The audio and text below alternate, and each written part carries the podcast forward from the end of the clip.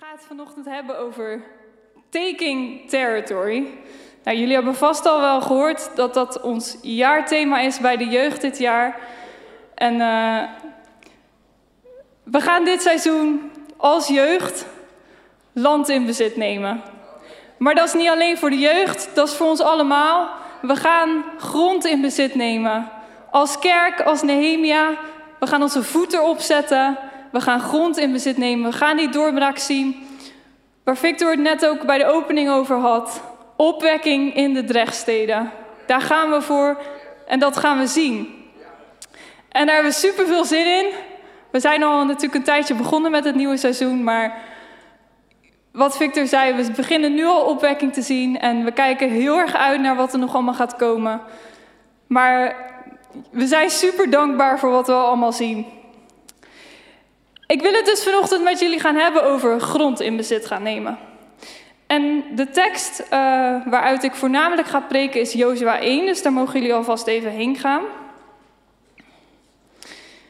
Even een beetje achtergrond. Jullie kennen waarschijnlijk allemaal het verhaal wel. Maar het gaat over het volk Israël. En die zaten natuurlijk in Egypte, in slavernij. Uh, en uiteindelijk heeft Mozes hen uit Egypte geleid, door de Rode Zee heen. En zouden ze naar het beloofde land gaan, het land wat God hen had beloofd. Uh, daar deden ze iets langer over om daar te komen. Ze zaten nog even vast in de woestijn, zo'n 40 jaar. Maar ze waren onderweg naar dat beloofde land. En we gaan nu lezen in Jozua 1. En dat is eigenlijk het gedeelte um, waar Mozes gestorven is en God tegen Jozua gaat spreken. Dus ik wil met jullie gaan lezen Jozua 1 vanaf vers 1. Het gebeurde na de dood van Mozes, de dienaar van de Heere, dat de Heere tegen Jozua, de zoon van Nun, de dienaar van Mozes, zei: Mijn dienaar Mozes is gestorven. Nu dan, sta op, steek deze Jordaan over, u en heel dit volk, naar het land dat ik aan hen, de Israëlieten, ga geven. En elke plaats die uw voedsel betreedt, heb ik u gegeven. Dit is ook onze jaartekst. Elke plaats die uw voedsel betreedt, heb ik u gegeven. Overeenkomstig wat ik tot Mozes gesproken heb. Van de woestijn tot aan de Libanon, tot aan de grote rivier, nog een rivier, het land, de grote zee. Het zal allemaal uw gebied zijn. Niemand zal tegenover u stand houden, al de dagen van uw leven. Zoals ik met Mozes geweest ben, zal ik met u zijn. Ik zal u niet loslaten en u niet verlaten. Wees sterk en moedig, want u zult dit volk, het land dat ik hun vaderen gezworen heb hun te geven, in erfbezit laten nemen. Alleen wees sterk en zeer moedig, door nauwlettend te handelen overeenkomstig heel de wet die Mozes, mijn dienaar, u geboden heeft. Wijk daar niet van af, naar rechts of naar links, opdat u verstandig zult handelen overal waar u gaat. Dit boek met deze wet mag niet wijken uit uw mond, maar u moet het dag en nacht overdenken, zodat u nauwlettend zult handelen overeenkomstig alles wat daarin geschreven staat. Dan immers zult u uw wegen voorspoedig maken en dan zult u verstandig handelen. Dit is de tekst waar uh, ons jaarthema op gebaseerd is. En voor de jeugd die hier vandaag zit, denk ik al een beetje bekend. Ik ga dezelfde preek doen als die ik bij de jeugdopening heb gedaan. Maar weet je, maakt niet uit als je het al een keer gehoord hebt. Het woord van God is altijd weer fris, is altijd weer nieuw. En soms moet je het meerdere keren horen, dan zakt het weer een laagje dieper. En laten we heel eerlijk zijn, ik moest soms ook dingen heel vaak horen voordat ik het ook echt ga doen. dus het is niet erg om het nog een keer te horen. Maar voor alle ouders hier is het denk ik ook heel leuk om eens te horen wat doen mijn kinderen nou eigenlijk bij de jeugd? Waar hebben ze het over? Waar zijn ze mee bezig? Uh, dus dat is ook wat we graag deze NY Sunday willen doen. Jullie als ouders laten zien van... hé, hey, waar zijn jullie kinderen nou mee bezig? Nou, dit is waar we dit seizoen mee bezig zijn. Land in bezit nemen. En God zegt hier tegen Jozua... Sta op, steek de Jordaan over naar het land dat ik aan u ga geven. En wij geloven dat dit iets is wat God nu tegen ons zegt. Sta op, steek over en neem het land in bezit. Dat is wat God tegen ons zegt dit seizoen. En maakt niet uit hoe oud je bent, van jong tot oud. God zegt tegen ons: sta op en neem het land in bezit. En ik wil vandaag dus met jullie gaan kijken. Wat is dan dat land? Wat is dan dat beloofde land? Ik hou altijd van lekker concreet. wat is dan dat beloofde land? Want het klinkt leuk, maar wat gaan we dan in bezit nemen? Bij de jeugd hadden we al grapjes. Gaan we dan België veroveren of zo? Nee, dat gaan we niet doen. Dus heel belangrijk. We gaan het eerst eens over hebben. Wat is dan dat land dat we in bezit gaan nemen? En ten tweede, als we dan weten wat dat land is, is het natuurlijk ook wel handig om dan te weten hoe gaan we dat dan doen. Dus dat gaan we vandaag doen, oké? Wat is het land en hoe gaan we dat doen? Punt nummer 1. Wat is jouw beloofde land? We gaan het heel persoonlijk maken vandaag. En ik vond het heel leuk om te lezen hier dat Jozua eigenlijk al precies wist wat dat beloofde land was. Want in vers 4, wat we net lazen, zegt God: van de woestijn tot de Libanon, tot allemaal rivieren, tot de grote zee, dat zal uw gebied zijn. Dus Jozua wist al precies wat het gebied was dat God hem ging geven. Sterker nog, in Numeri, in Numeri 13 kunnen we lezen dat God tegen Mozes had gezegd: Ik wil dat je een aantal mannen gaat sturen die dat beloofde land gaan verkennen. En Jozua was een van die mannen. Dus sterker nog, Jozua was al in het beloofde land geweest. Hij is erheen geweest om het te verspieden, om te kijken hoe het land eruit zag. En toen weer teruggegaan om dat te vertellen. Dus Jozua wist precies wat dat beloofde land dan was. En ik geloof dus dat dat ook voor ons geldt. We moeten eerst verspieden wat dat beloofde land dan is. Wat is ons beloofde land? Nou, dat gaan we dus samen bekijken. Als jullie mee willen gaan naar Efeze 1. Efeze 1, vanaf vers 15 gaan we lezen. Bij de jeugd roepen we altijd als we er zijn. Je mag roepen, ja. We roepen tegenwoordig prijs de Heer als we bij een Bijbeltekst zijn. Je mag ook roepen ik ben er of iets. Dan weet ik uh, hoe lang ik nog moet wachten. Efeze 1 vanaf vers 15. En dit is uh, waar Paulus aan de gemeente in Efeze schrijft en eigenlijk een soort gebed voor hen schrijft, wat hij voor hen bidt. En daar staat daarom, omdat ook ik gehoord heb van het geloof in de Heer Jezus onder u en van de liefde voor alle heiligen, houd ik niet op voor u te danken als ik in mijn gebeden aan u denk. Opdat de God van onze Heer Jezus Christus, de Vader van de heerlijkheid, u de geest van wijsheid en van openbaring geeft in het kennen van Hem, namelijk verlicht de ogen van uw verstand. Waarom?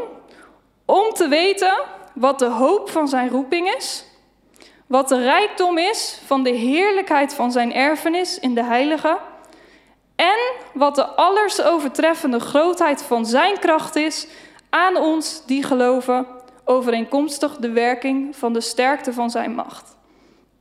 Nou, een beetje, ik vind het een beetje soms een ingewikkelde tekst, staan heel veel woorden in.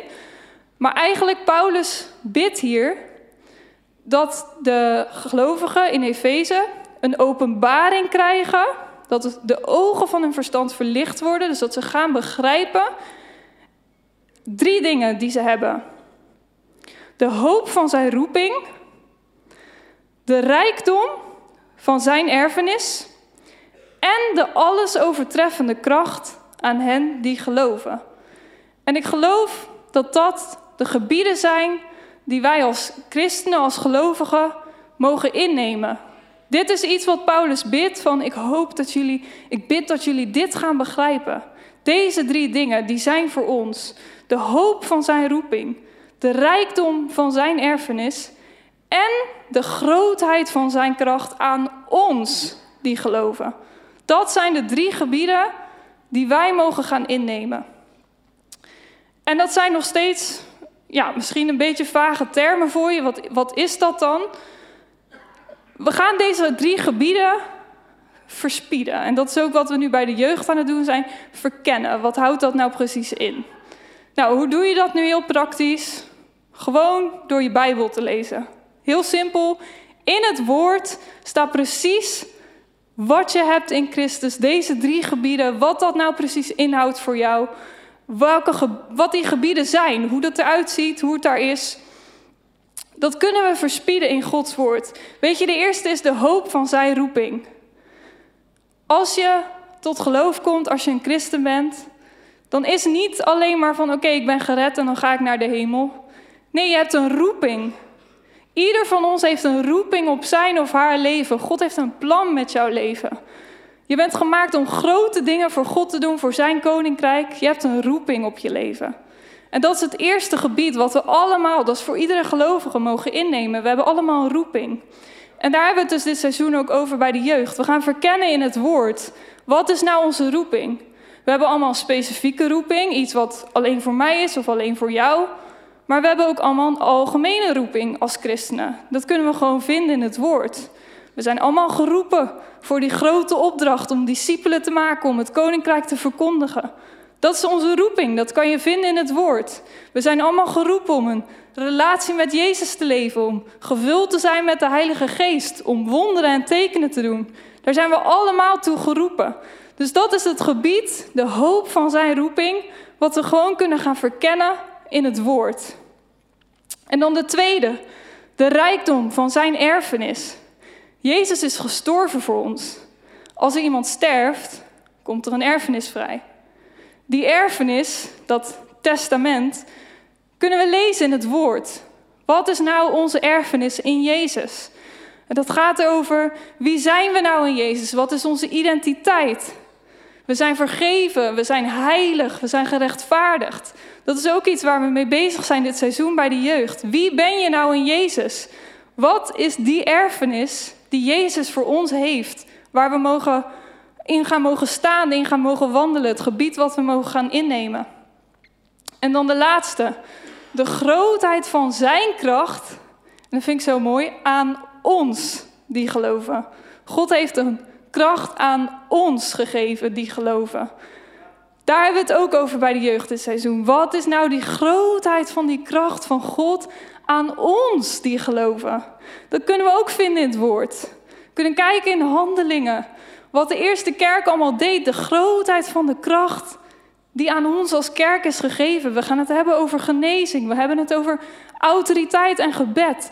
Er zijn er is zo'n grote kracht beschikbaar voor ons door de Heilige Geest die in ons woont. En dat is nog zo'n gebied wat we mogen gaan innemen samen als gelovigen. En hoe verkennen we dat? Hoe ontdekken we hoe dat eruit ziet? Gewoon door het woord te lezen. Het woord is zo belangrijk. Dus allereerste, wat is dat beloofde land? Deze drie gebieden. We verspieden dat door te kijken in het woord.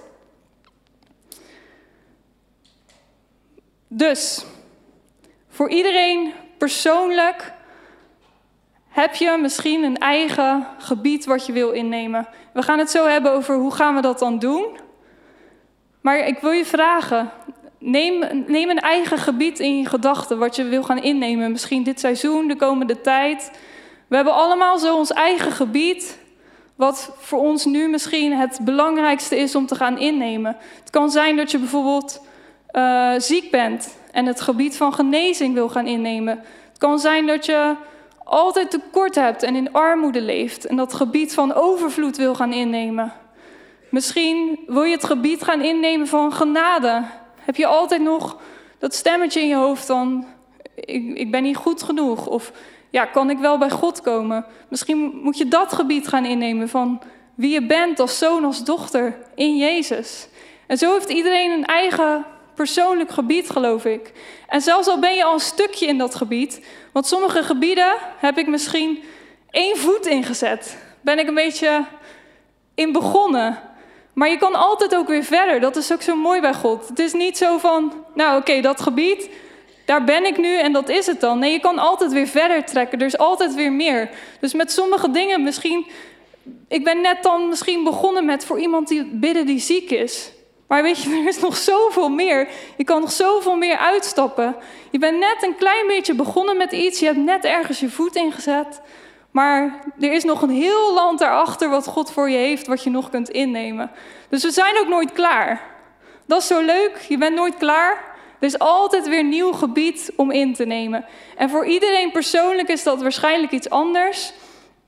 Maar ik wil je gewoon vragen om voor jezelf eens te bedenken van... hé, hey, welk gebied wil ik nou de komende tijd mijn voet op gaan zetten? Welk gebied ga ik nou innemen voor mezelf, persoonlijk? En dat is voor iedereen anders. Dus hoe gaan we dat dan gebied dan innemen? Dat is op zich ook fijn om te weten. Hoe gaan we dat doen? In Hebreeën 3, vers 19 staat er een tekst. Vind ik een hele uh, bijzondere tekst. Die gaat over Israël, die het beloofde land niet kon innemen. Want ze waren natuurlijk 40 jaar in de woestijn. En daar staat: Zo zien wij dan dat zij niet konden ingaan vanwege hun ongeloof. Dus als ik hem omdraai, hoe gaan we gebied innemen? Door geloof. Het is logisch, omdraaien. Ze konden niet in vanwege hun ongeloof. Dus hoe gaan wij het wel doen? Door geloof. Door geloof gaan wij ons gebied innemen. En dat klinkt misschien nog vaag, maar we gaan het heel praktisch maken vandaag. De strategie voor hoe je dit gaat doen staat namelijk al in Jozua, waar we net waren. Dus we even terugbladeren naar Jozua. In Jozua 1, vers 8 staat de strategie eigenlijk om gebied in bezit te nemen. Ik hoor al ergens een banner. Prijs de Heer. Jozua 1, vers 8. Dit boek met deze wet mag niet wijken uit uw mond, maar u moet het dag en nacht overdenken, zodat u nauwlettend zult handelen overeenkomstig alles wat daarin geschreven staat.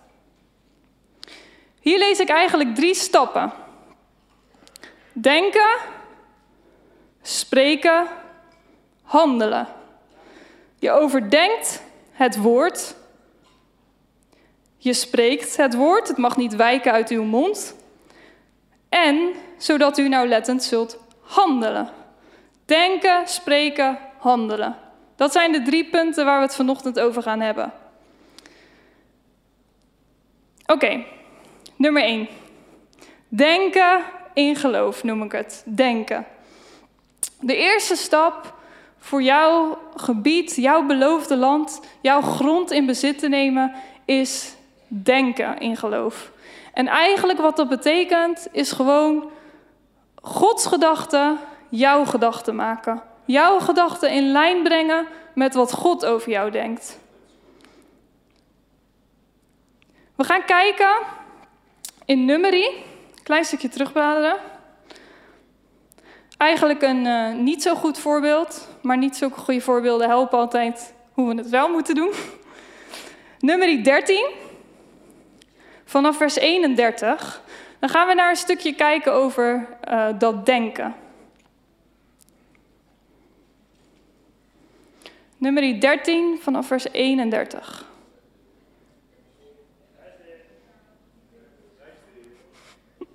Oké, volgens mij is iedereen er. Halleluja, mag ook. Oh, kijk, daar is die veel sneller. Heel goed. Maar de mannen, dus dit gaat even over de verspieders. Dus wat ik net zei, die verspieders waren al het beloofde land ingegaan, hebben gekeken hoe het eruit zag, komen terug bij het volk en brengen dan eigenlijk verslag uit hier. Dus dat is wat we nu gaan lezen. Die mannen die zeiden, wij kunnen tegen dat volk niet optrekken, want het is sterker dan wij.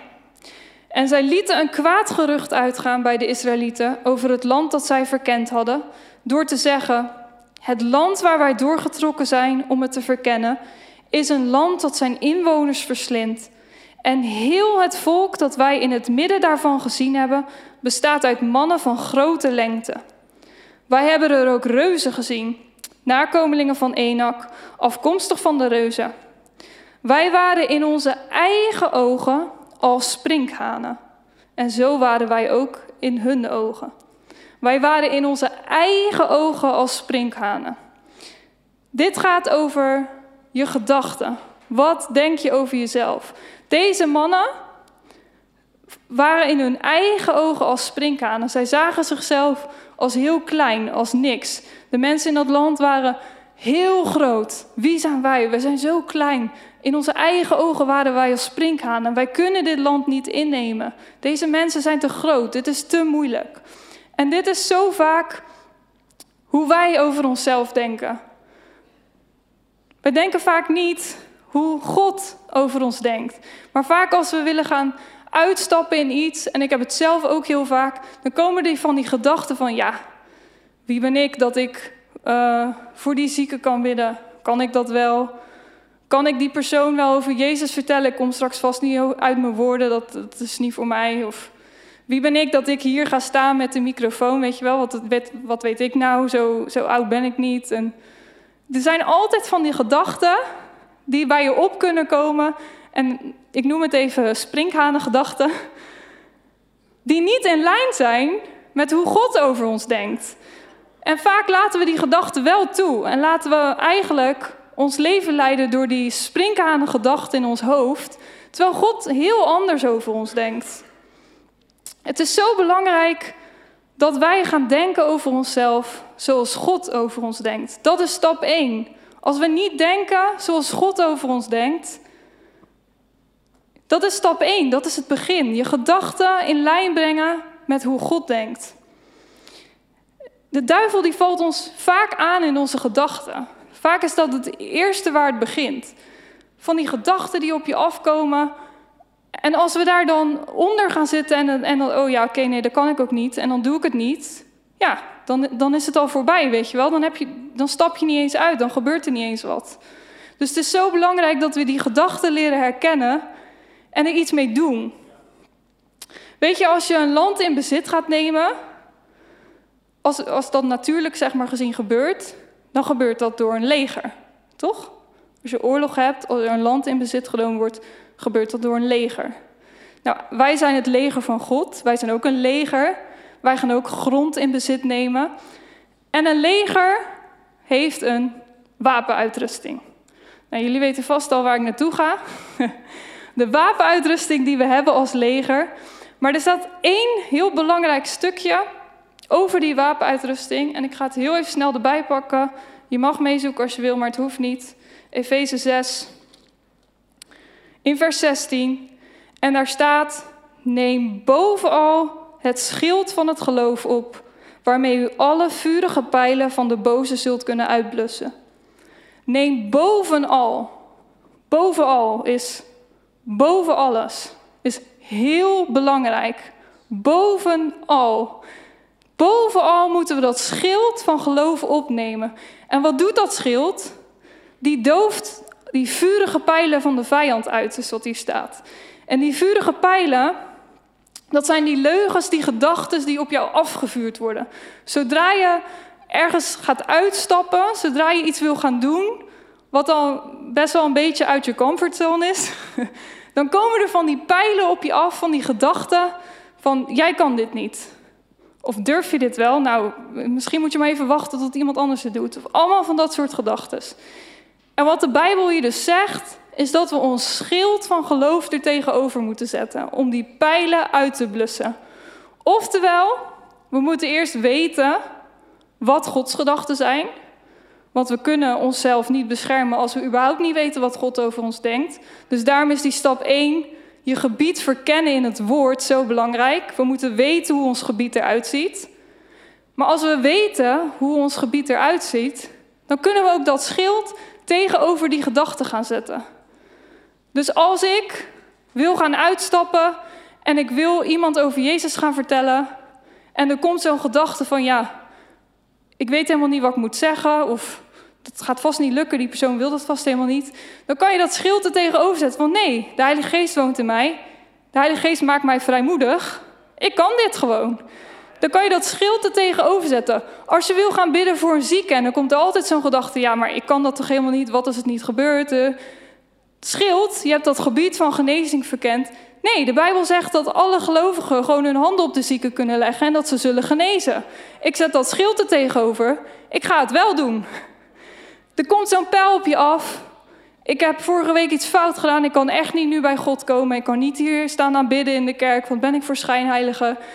Nee, je kan dat schild er weer tegenover zetten. Ik ben een dochter van God. Ik ben vergeven. God ziet mij als heilig. Ik ben rechtvaardig in Jezus. Dat schild kunnen we tegenover elke leugen van de vijand zetten. Het is zo belangrijk dat we onze gedachten beschermen en dat we dat schild van geloof gebruiken om al die gedachten van de duivel te blussen, als het ware. Dus dat is stap 1. Breng je gedachten in lijn met wat Gods woord zegt. Denk zoals God over jou denkt. En ik probeer het soms, of de laatste tijd, heel erg letterlijk ook te doen. Dat ik in mijn gedachten al voor me zie hoe God mij ziet. Weet je, in, in Jozua, waar we net lazen, daar zegt God letterlijk: Elke plaats die uw voedsel betreedt, heb ik u gegeven. In Gods gedachten is alles al zo. Want in het natuurlijke woonden er nog andere mensen in dat land. In het natuurlijke woonde Israël nog niet in dat land. Maar in Gods gedachten was het al zo.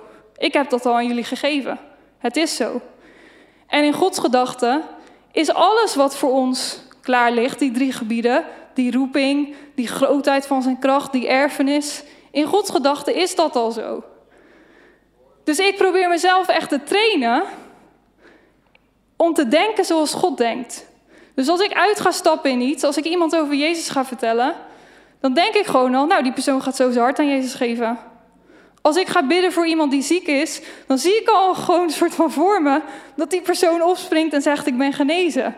Ik train mezelf om mijn gedachten in lijn te brengen met hoe God denkt. Ik zie het gewoon van binnen al voor me, om gewoon mezelf te gaan trainen.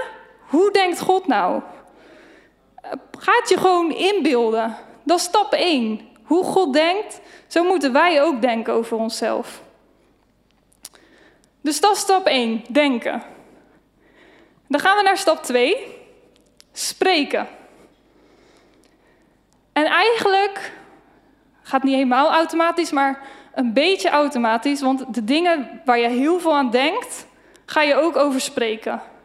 Dus het is een gevolg van eerst de gedachten in lijn brengen, maar dan de volgende stap is ook dat je je spreken in lijn gaat brengen met hoe God spreekt. Nou, dan gaan we weer naar datzelfde verhaal van die verspieders in nummer 13. Weer het uh, niet zo goede voorbeeld, maar daar leren we heel, heel veel van. In nummer 13 vanaf vers 27. Nu hoor ik niemand meer. Zijn jullie er? ja. Dit gaat lekker snel. Oké, oké. Nummer 13, vers 27. Hier brengen die verspieders weer verslag uit. Zij vertelden het Mozes en zeiden: Wij zijn in dat land gekomen waarheen u ons gestuurd hebt. En werkelijk, het vloeit over van melk en honing. En dit is zijn vrucht. Het volk echter dat in dat land woont, is sterk. De steden zijn versterkt en heel groot. En ook hebben wij daar nakomelingen van Enak gezien, die reuzen. En dan als ik even oversla vers 31 lees. Maar de mannen die met hem opgetrokken waren, zeiden: Wij kunnen tegen dat volk niet optrekken, want het is sterker dan wij. En toen ik dit las laatst, eh, vond ik het heel grappig eigenlijk. Ik had het nooit zo gelezen. Maar wat ze hier zeggen is eerst in vers 27: dit land is echt geweldig. Het vloeit over van melk en honing. Het is zo'n goed land. Het is precies wat God ons beloofd heeft. Het is geweldig. Maar het volk dat daar woont is heel sterk. De steden zijn sterk. Er wonen grote reuzen. Wij kunnen dit niet. We kunnen dit niet. Het is, het is een heel goed land, maar wij kunnen dit niet. En heel eerlijk, ook naar mezelf toe, doen wij dit heel vaak ook. We lezen het altijd als zo'n verhaal van hè, die Israëlieten, die, die waren altijd een beetje een slechte voorbeeld en zo. Maar wij doen het heel vaak ook zo. Hoe vaak ik wel niet heb gehad Wat in het woord staat, wat voor mij is, die, die drie gebieden. Wauw, dat is zo geweldig. God heeft dit voor mij, God heeft dat voor mij. Zo, zo geweldig, al die beloften die God voor mij heeft. Maar ik heb dit en dit meegemaakt, of maar dat kan ik niet, of daar is het niet gebeurd, of wat dan ook, vul maar in. Heel vaak, toch, als we eerlijk zijn, doen we dit zelf ook. Maar dit kan niet. dit is geweldig, maar dit kan niet. En eigenlijk, wat de Bijbel ons leert, wat geloof eigenlijk is, is dat we dit moeten gaan leren omdraaien.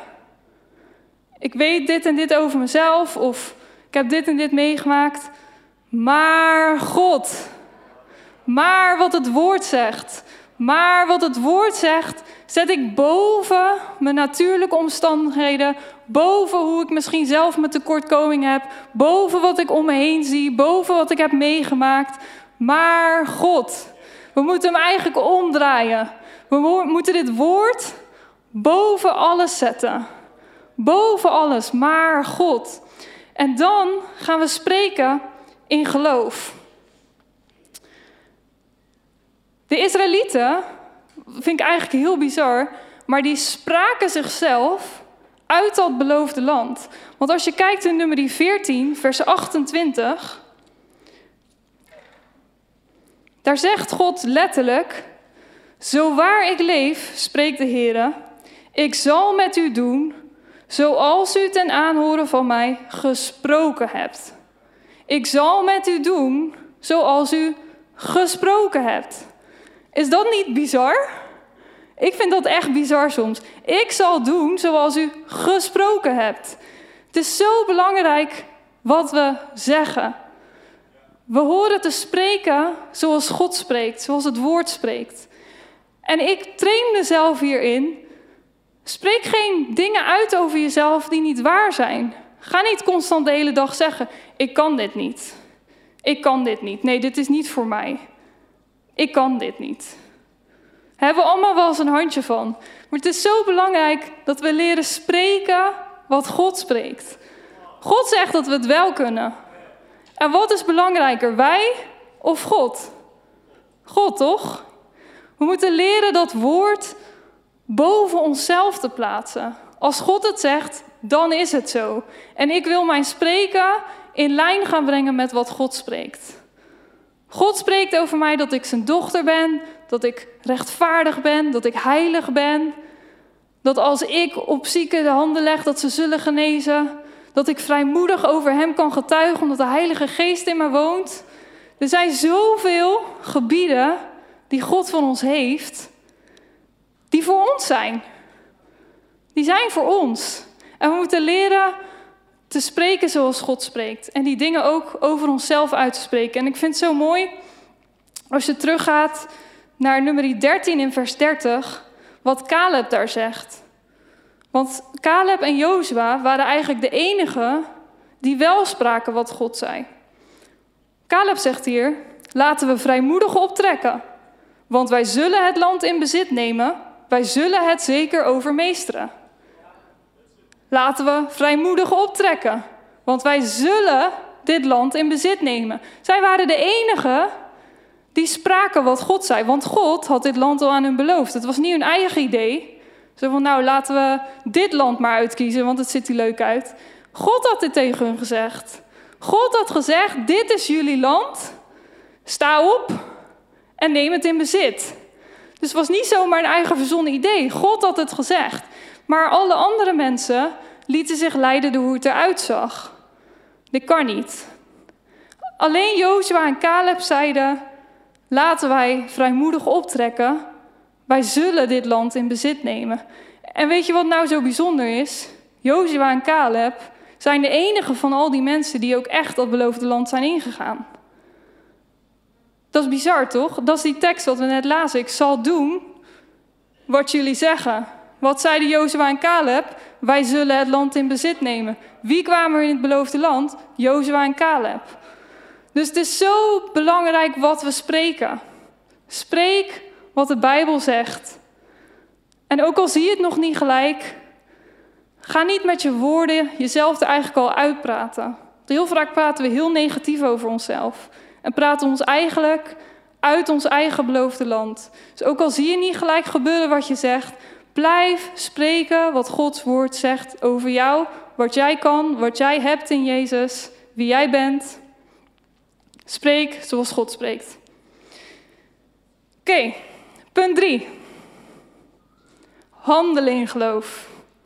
De laatste. Want het is natuurlijk heel leuk als we denken, spreken in geloof. Maar als we uiteindelijk niks gaan doen, gaat er toch nog weinig gebeuren, denk ik. Denk als God tegen de Israëlieten had gezegd: sta op, steek de Jordaan over, neem het land in bezit. En ze hadden gezegd: oké, ja, Jezus, dat geloof ik hier. Dit land is voor ons. Maar ze waren allemaal lekker in die woestijn blijven zitten. Ja, was er dan wat gebeurd? Ik denk het niet.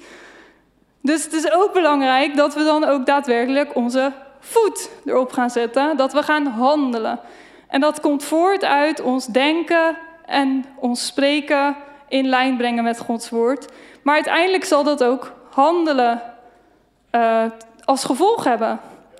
De Bijbel zegt in Jacobus: geloof zonder werken is dood. Werken, en dan klinkt dat gelijk weer zo zwaar, maar gewoon handelen hoort bij geloof. Want als je iets echt gelooft, is het heel raar als je het dan niet doet. Toch? Dat is gewoon logisch. Als ik iets echt geloof en ik ga het nooit doen, dan is het best wel vreemd. Geloof ik het dan wel echt?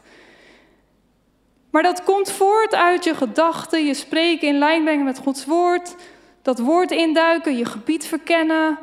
En als je dat in je hart hebt, in je geest hebt, je, je gedachten zijn helemaal met Gods gedachten op één lijn, dan gaat dat handelen volgen. Ze hoeven er ook niet zo heel krampachtig over te doen van ik moet nu uitstappen en ik moet nu. Maar als we gewoon ons in dat woord blijven verdiepen, gewoon je elke dag voeden met dat woord, dan gaat het vanzelf opborrelen. Want dan lees je al die verhalen en dan denk je, wow, dit is ook voor mij. Wat in handelingen gebeurde, dat is ook voor mij. En dan gaat dat handelen volgen. En wat ik dan zo mooi vind, in Jozua 1, vers 7, daar staat: Wees sterk en zeer moedig door nauwlettend te handelen overeenkomstig heel de wet die Mozes u geboden heeft, oftewel gewoon het woord. Dus hoe word je sterk en moedig? Door te handelen. Vaak willen wij het andersom en ik ook. Ik wil eerst sterk en moedig worden en dan ga ik wel wat doen. Toch? Als ik me maar moedig genoeg voel, dan ga ik wat doen. Dan ga ik die persoon over Jezus vertellen. Maar ik moet eerst nog mezelf even wat sterker en moediger voelen. Maar het woord zegt hier, je wordt sterk en moedig door te handelen. Dus we moeten het eerst gaan doen. En dan worden we steeds sterker en moediger. Door uit te gaan stappen. En aan het begin is dat heel eng, vind je dat heel spannend, vind ik ook. Maar hoe vaker je dat gaat doen, hoe sterker en moediger je wordt. En als dan een bepaald gebied, een bepaald grondgebied wat jij in bezit gaat nemen, hoe vaker je daarin gaat uitstappen, hoe sterker en moediger je wordt op dat gebied, dan ga je weer door naar het volgende gebied. Zo altijd weer wat nieuws, maar je wordt sterker en moediger door te gaan doen. Dat is eigenlijk andersom dan wat wij het liefst willen, wat comfortabel voelt. Maar dat is denk ik ook hoe we afhankelijk zijn van de Heilige Geest. Wij moeten gaan uitstappen en dan maakt de Heilige Geest in ons dat we steeds sterker en moediger worden door gewoon uit te gaan stappen. Dus als het woord zegt dat het onze opdracht is om discipelen te maken van alle volken, vind ik het best wel spannend soms als wij op zaterdag met de jeugd de straat op gaan om zomaar op een wild vreemde af te stappen en over Jezus te vertellen. Maar ik heb gemerkt dat als ik ga handelen, dus ik ga doen, dat ik steeds sterker en moediger word. Maar dan moet ik wel wat gaan doen. Want als ik alleen maar bezig ben met, oké, ik moet gaan denken en spreken zoals Jezus spreekt, dan kunnen we voor eeuwig doen. Maar als we uiteindelijk niet gaan uitstappen, dan gebeurt het nog steeds niet. Als we uit, niet uiteindelijk gaan uitstappen en onze handen daadwerkelijk op de zieken leggen, dan kunnen we geloven in genezing. Maar als we het niet gaan doen, dan gebeurt er ook niks. Dus het is heel belangrijk dat we uiteindelijk ook gaan handelen. En dat is spannend, maar hoe vaker we uitstappen, hoe sterker en moediger we worden. Want dat is wat het woord hier zegt. Word sterk en moedig door te handelen. Dus dit is hoe wij bij de jeugd, maar ik geloof dat het voor alle generaties is, maakt niet uit hoe oud we zijn, hoe wij gebied in bezit gaan nemen dit seizoen. Door te denken, te spreken en te handelen in geloof. Dus elk onderwerp, elk thema wat we vastpakken elke maand, willen we ook daadwerkelijk gaan doen. We gaan uitstappen met z'n allen en dat is spannend soms, maar ook echt heel erg leuk om dat gewoon met z'n allen te gaan doen. Vorige maand hadden we het over dopen. Wat hoort er bij dopen? Je laten dopen. We gaan het doen. nou, we hebben gezien dat er heel veel jongeren het dooppad in stonden. Deze maand is de maand van vrijmoedigheid. Dus wat gaan we doen? We gaan evangeliseren. Nou, we hebben al gezien dat we. Vorige keer waren we met elf mensen de straat op. Waarvan zes nieuw van de jeugd, van de tieners, die dat nog nooit eerder had gedaan. En waarbij we volgens mij elf jongeren hun hart aan Jezus hadden gegeven. Volgende thema gaat over vervulling met de Heilige Geest en met vuur. Wat gaan we dan doen? We gaan bidden dat de jongeren vervuld worden met de Heilige Geest en met vuur. Dus we willen heel praktisch elk thema wat we vastpakken ook gaan doen en gaan handelen. En ik wil jullie uitdagen, neem zo'n gebied in je gedachten een gebied waarvan jij weet, dat moet ik in bezit gaan nemen. Dat is nu voor mij in mijn leven belangrijk op dit moment. En ga dat verkennen in het woord. Ga je de gedachten in lijn brengen met wat God denkt over dat gebied. Ga spreken zoals God spreekt. En uiteindelijk zul je zien dat je gaat handelen en steeds sterker en moediger zult worden.